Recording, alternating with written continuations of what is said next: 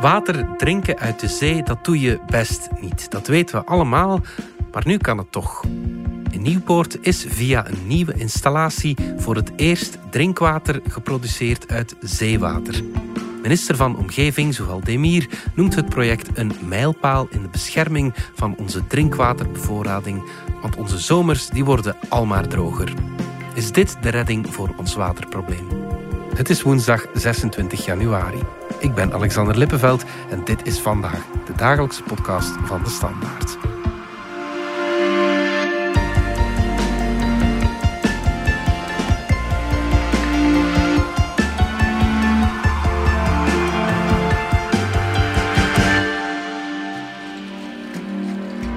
Tom Isbaard van onze wetenschapsredactie. Waarom dit proefproject? Ja, België en Vlaanderen zijn landen die veel last hebben van waterstress. Mhm. Kan misschien een beetje vreemd klinken. Zeker na afgelopen jaar, uh, waarin we een beetje verzopen in uh, de neerslag.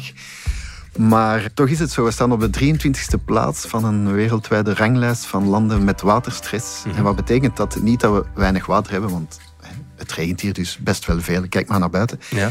Maar we verbruiken er heel veel. Hè. We zijn een dichtbevolkt land, we hebben veel industrie, we hebben veel intensieve landbouw. Allemaal grote gebruikers. En in verhouding tot dat uh, grote gebruik hebben we eigenlijk relatief weinig water beschikbaar. Ja. Vandaar, en het vandaar probleem die- wordt ook die al maar stress. groter natuurlijk. Hè? Ja. En daar komt nu natuurlijk bij, ons klimaat is aan het veranderen. Mhm. Het zal u niet ontgaan zijn. De verwachting is dat we steeds eh, meer en steeds langere periodes van droogte gaan krijgen. En op dat moment wordt die waterstress natuurlijk een stuk acuter. Ja. Wim Jacobs van watermaatschappij Faris die zag inderdaad de vraag stevig stijgen tijdens die droge zomers. Omwille van de, de droge voorjaren en de droge zomers tussen 2017 en 2020 eh, merkten we dat de vraag naar eh, drinkwater steeg in deze droge periodes en dat onze bronnen die we gebruiken om het drinkwater te maken onder druk komen.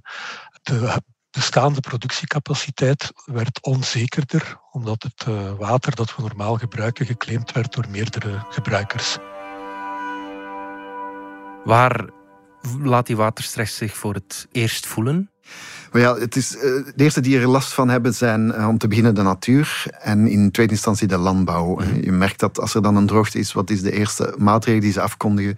Boeren die geen water meer mogen uit de beken pompen om hun akkers te beregenen. Ja, ja, ja. En, en natuur leidt eronder, eh, de bomen staan droog, de planten vergaan, de bodem eh, ziet er brokkelig uit. Het wordt een verdroogd landschap. ja. Maar ons drinkwater, dat wordt toch niet heel snel Ja, afgesloten? drinkwater, dat is op dit moment nog eigenlijk geen groot probleem. Mhm. Dat, maar dat kan het wel worden op termijn natuurlijk. Want wa- van waar komt ons drinkwater? Mhm. Voor een stuk uit eh, oppervlaktewater, zeg maar rivieren, kanalen. En voor een stuk uit grondwater. Dus dat pompen we op. Ja.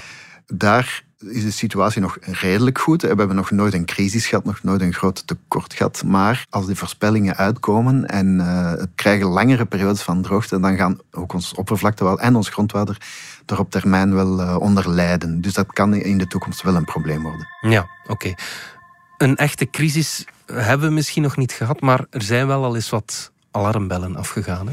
Ja, in mei 2020 eh, kwam er op een bepaald moment geen water meer uit de kraan in eh, delen van Overijssel, Vlaams-Brabant. Ja. Er was toen een incident, er lag een technische storing of een technisch probleem aan de oorsprong. Mhm. En er was ook extreem hoog eh, waterverbruik toen. Mhm. het, was, het waren hele warme dagen. Mensen wilden hun zwembadjes vullen. Zwembadjes Dat- dat vullen, het voor- voilà. Ja, ja, ja. En het was maar in een, een beperkte plaats. Ik kan het nog geen structureel probleem noemen, maar het was wel een soort wake-up call. Het, het, het besef drong ineens door van, oeh, het kan gebeuren. Hè. Op goede dag kan de kraan inderdaad droog vallen. Mhm. Iets vergelijkbaar, nog niet zo erg, maar toch in augustus 2019 was ook na lange weken van eh, droogte de bevoorrading vanuit het Albertkanaal op het randje. Dus het Albertkanaal is eh, eigenlijk een, een van de grootste, zo niet de grootste bron van drinkwater eh, Ah, ja. in Vlaanderen. Dus Ja. toen heeft het even gespannen. Dus er zijn al momenten geweest dat het moeilijk werd. Dus, En is het dan al zo ver gekomen dat we water uit de zee moeten gaan halen? Wel, er zijn al een paar proefprojecten. Dus, hè, dus in 2019 was er een eerste ontziltingsinstallatie in Oostende op het kanaal eh, Brugge-Oostende. Daar halen ze eh, water uit het kanaal. Dat is brakwater, zeg maar een mengeling van zoet en zout. Mhm. Dat is ook een proefproject nog. Nu is er dus Nieuwpoort, waar ze een installatie eh, hebben gebouwd die zowel zoet als brak als echt zout zeewater kan gaan gebruiken om er drinkwater van te maken. Dus dat gaat nog een stapje verder. Mhm. Je zou kunnen denken, is het al zo erg dat we uh, ons toevlucht moeten nemen tot de zee? Ja, dat klopt niet helemaal. Het is geen toeval dat die twee installaties in West-Vlaanderen staan en vlakbij de kust. Want West-Vlaanderen en eigenlijk het hele westen van uh, Vlaanderen mhm heeft een, een groter waterprobleem dan de rest van het land. Er is daar heel weinig grondwater beschikbaar en hetgeen dat er was, is stevig opgesoupeerd. Mhm. Ze hebben ook weinig oppervlaktewater ter beschikking. Dus dat ze daar hun toevlucht nemen tot zeewater is niet zo verwonderlijk. Ze liggen tenslotte ook aan de zee natuurlijk. Mhm, ja. Maar het heeft er ook mee te maken dat eh, zowel Oost- als West-Vlaanderen of de drinkwatermaatschappijen die daar actief zijn, al, eh, al, al heel lang uh, hun water eigenlijk moeten aanvoeren. Soms van heel ver vanuit Wallonië, over 100 tot 200 kilometer En ik kan je afvragen, om een beetje meer zelfredzaam te worden, kunnen ze op zoek gaan naar eigen bronnen. En de onuitputtelijke bron die voor hun, hun deur ligt, bij wijze van spreken, is natuurlijk de Noordzee. Tom, waar in Nieuwpoort bevindt uh, dat project zich juist?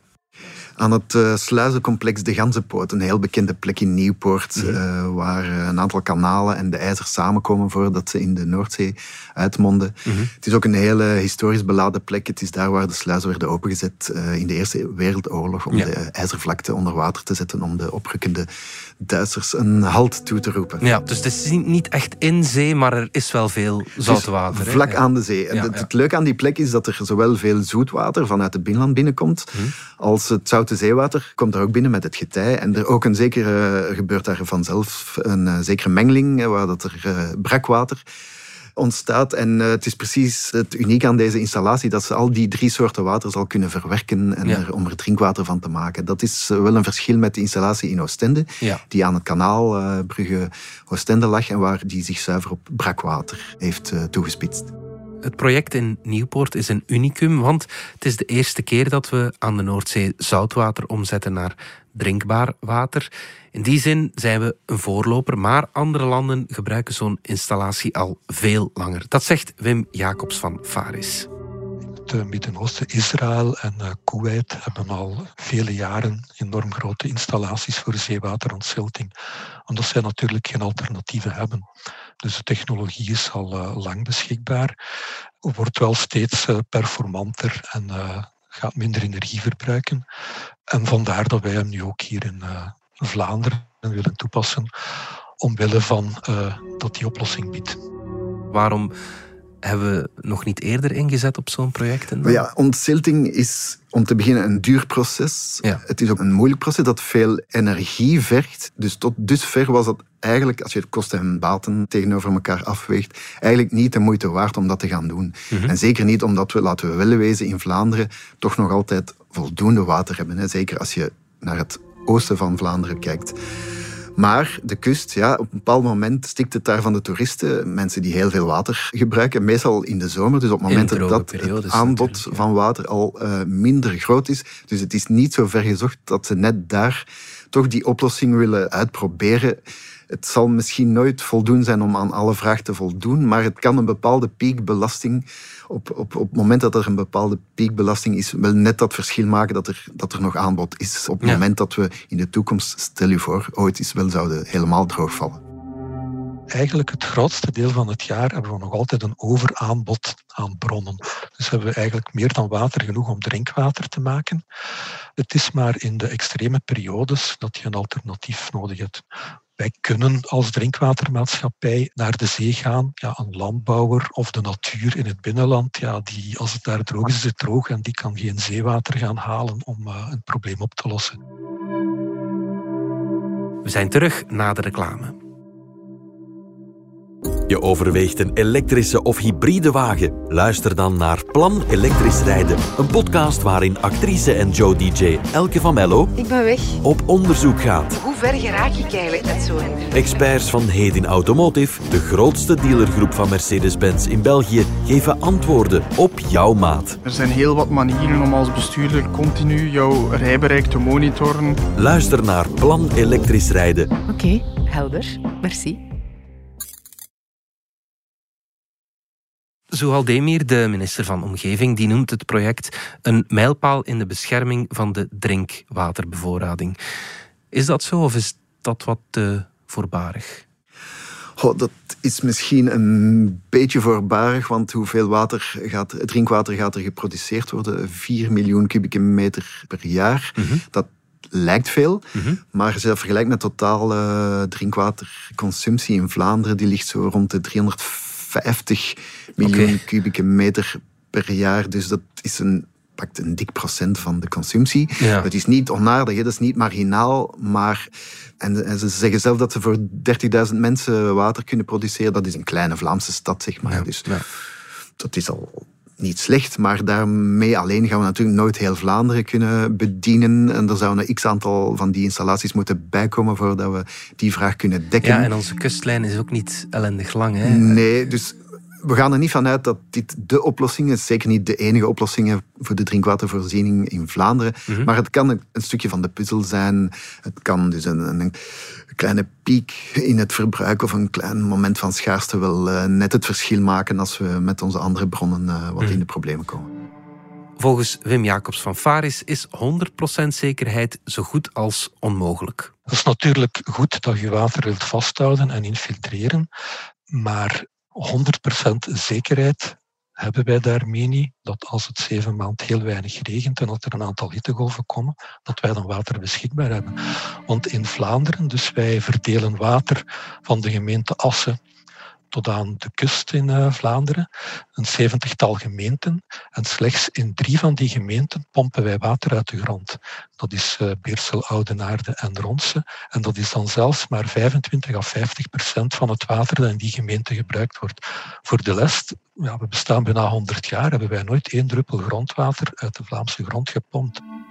Wat is dan wel de oplossing? Want dat is een heel ruime vraag, maar we Ja, zijn er wel allemaal mee bezig natuurlijk. De- alle maatschappijen zijn ermee bezig. Ja, ja, ja. Ook sinds die kleine crisisjes in Overijs en op het Albertkanaal zijn ze wel echt wakker geschoten. Ze hebben onlangs aangekondigd dat ze er een miljard euro gaan investeren. Dat is toch geen eh, zakgeld. Mhm. Wat gaan ze onder meer doen? Ze gaan eh, hun netwerken aan elkaar linken, zodat de ene maatschappij die wat in de problemen komt, de andere te hulp kan roepen, die nog wel een overschot heeft. Het is natuurlijk ook een beetje een gevolg van de versnippering die er hier bestaat in Vlaanderen. We hebben zes drinkwaterbedrijven in een klein landje. Ja. Wat gaan ze nog doen? Ze, hier en daar worden nieuwe bronnen aangeboord, maar die kun je niet tevoorschijn toveren. Hè. We hebben wat we hebben en dan is die zee natuurlijk een beetje een aantrekkelijke bron, omdat die zo onuitputtelijk is. Ja, Maar ja. wat eh, waterexperts dan zeggen van, ja, het is eigenlijk een beetje absurd om, om, om eh, zeewater te gaan gebruiken, want we hebben hier op momenten dat het regent heel veel water. Alleen loopt het nog te veel eh, Ja. doelloos naar de zee. Hè. We hebben hier Ja. we hebben een geschiedenis van afwatering, van drainage. We hebben heel veel kanalen en grachten aangelegd, precies om, om water, om er vanaf te zijn eigenlijk. In Ja. tijden dat we nog te veel hadden. Ja. Nu spelen die ons een beetje parten, hè, want nu zijn er vaker momenten dat we te weinig hebben en dan hebben we al dat water dat pakweg in de winter met bakken uit de hemel valt laten gaan, bij wijze van spreken. Ja. En dan zijn we het kwijt en het komt dan in de zee, het wordt dan zout en dan wordt het heel duur en moeilijk om het terug eh, zoet te maken. Mhm. Dus experts zoals de bekende waterprofessor eh, Patrick Willems van de Universiteit van Leuven die zegt dan van ja jongens, laten we toch maar beter proberen het zoetwater dat we hebben zoveel mogelijk bij te houden, vast te houden, laten infiltreren en dat te gaan gebruiken en regenwater te gaan gebruiken, meer regenwaterputten te steken en, en eh, dat water dat we daarin verzamelen ook, ook daadwerkelijk gaan gebruiken, wat we nu ook nog veel te weinig doen. hè. Eerder dan die toch wel wat eh, moeilijke bron van ontzilting, ons, Ja. ons daar te veel op gaan eh, baseren. Een andere oplossing die Faris momenteel test is de zogenaamde ASR, de Aquifer Storage and Recovery, waarvan proefprojecten in Oudenaarde en Aalst zullen doorgaan. De winter is er eh, meer dan genoeg bronwater beschikbaar om drinkwater te maken. Onze installaties zijn ook berekend om piekverbruiken in de zomer te kunnen leveren. Dus onze fabrieken zijn nu niet vol belast. Dus wij zouden nu veel meer drinkwater kunnen maken. Alleen, je kunt dat niet opslaan in bovengrondse reservoirs. Maar we gaan ook testen om dat op te slaan in de diepe ondergrond. Dus eigenlijk in de Vlaamse sokkel, 100, 150 meter onder de grond. Omdat dat daar weinig beweegt nog, dat blijft er zitten. En uh, als het meezit, zal het daar ook zijn drinkwaterkwaliteit behouden. En dan kunnen we dat daar in de zomer terug uitpompen. Tom, ondergrondse reservoirs dus. De watergroep heeft ook al zo'n project gehad in Diksmuiden. Hoe waren die resultaten? Ja, in de buurt van het natuurgebied de Blankaart heeft de watergroep dat ook eens uitgeprobeerd. Ze hebben toen ook eh, heel diep, ik denk 300 meter diep, proberen water dat op dat moment in surplus was, daar weg te stoppen. Maar de, de resultaten vielen een beetje tegen, hebben ze mij gezegd.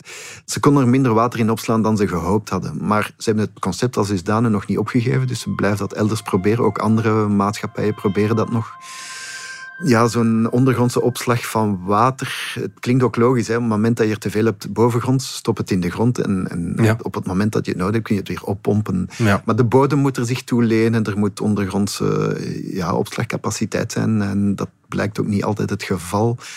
Dat zijn ook nog dingen die in de experimenteerfase zitten, maar die men zeker nog niet heeft opgegeven. Hè. Mhm. Een leuk voorbeeld in dat verband is ook wat de watermaatschappij van de Westhoek, die nu Aquaduin heet, heeft geprobeerd. Ook, Mhm. Die doen dat ook al een paar jaar met succes.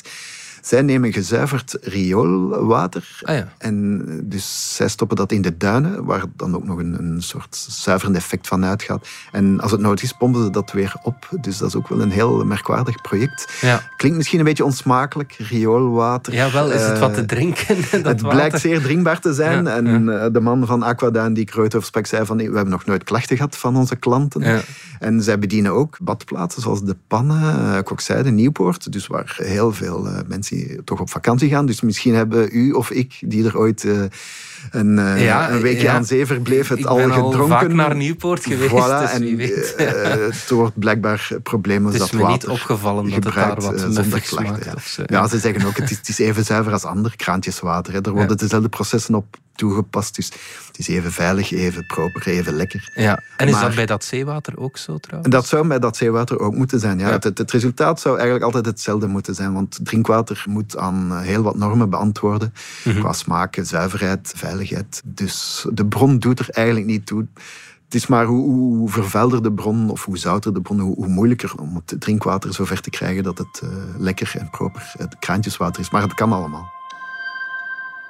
Het is natuurlijk een interessant project, maar is het ook een oplossing voor de rest van het land of blijft het echt een lokale oplossing? Ja, technisch is het mogelijk natuurlijk hè, dat we aan de zee drinkwater produceren uit zeewater Mhm. en dat we dat naar het binnenland transporteren. Ten slotte gebeurt nu ook het omgekeerde. Er komt veel Ja. eh, water van het binnenland en eh, van diep in Wallonië naar Oost- en West-Vlaanderen toe. Mhm. Dus ja, die leidingen die liggen er. Technisch gezien kan het ook in de omgekeerde richting gaan. Alleen is de vraag, zal het ooit nodig zijn? Wellicht niet, omdat de, de voorraden in, in in de oosten van het land, van het binnenland, nog altijd toereikend zijn. Mhm. Ja, het zal al heel lelijk moeten lopen dat het daar allemaal leegvalt en dat we dan inderdaad ontzild water gaan moeten van de kust naar het binnenland leiden. Klinkt een beetje als, als science fiction, maar technisch kan het en wie weet komt er ooit een dag dat we het eh, werkelijk gaan doen. Misschien niet in hele grote volumes Mhm. en niet om heel Vlaanderen te bedienen, maar misschien een deel van de bevolking Ja. of een bepaald gebied of een bepaalde regio. Wie weet, het is zeker niet ondenkbaar. Heel veel creatieve oplossingen, met andere woorden, maar het is niet dat we nu achterover mogen leunen, denk ik. Hè? dat kan misschien een beetje eh, een verkeerde indruk geven als we nu zouden gaan denken van oh, ons drinkwater kan uit zee komen, een onuitputtelijke bron, we zijn gered, we kunnen achteroverleunen. Dat zou natuurlijk een beetje de verkeerde conclusie zijn. Hè. Dat is ook wat eh, professor Willems zegt. Hij heeft het een beetje moeilijk met de perceptie die nu ontstaat van nu zijn we uit de problemen. Dat is natuurlijk niet zo. Het blijft heel belangrijk om verstandig om te springen met water, van er zuinig mee om te springen, van eh, niet op droge momenten uw auto te gaan wassen en dat soort dingen. Als het idee nu zou zo ontstaan van we zijn uit de zorgen eh, dankzij het zeewater, dat is wellicht de, de verkeerde conclusie Dus die we nu zouden trekken. Zuinigheid, ontharding, al die dingen, dat moeten we niet vergeten. Absoluut niet vergeten. Oké, goed. Tom Isebaard, dankjewel. Graag gedaan. Dit was vandaag de dagelijkse podcast van de Standaard. Bedankt voor het luisteren. Ken je trouwens DS Podcast al, de podcast-app van de Standaard? Daar luister je niet alleen naar onze journalistieke reeksen, je krijgt ook elke week een eigenhandige selectie van de beste nieuwe podcasts op de markt. Alle credits van de podcast die je net hoorde vind je op standaard.be-podcast. Reageren kan via podcast.standaard.be. Morgen zijn we opnieuw.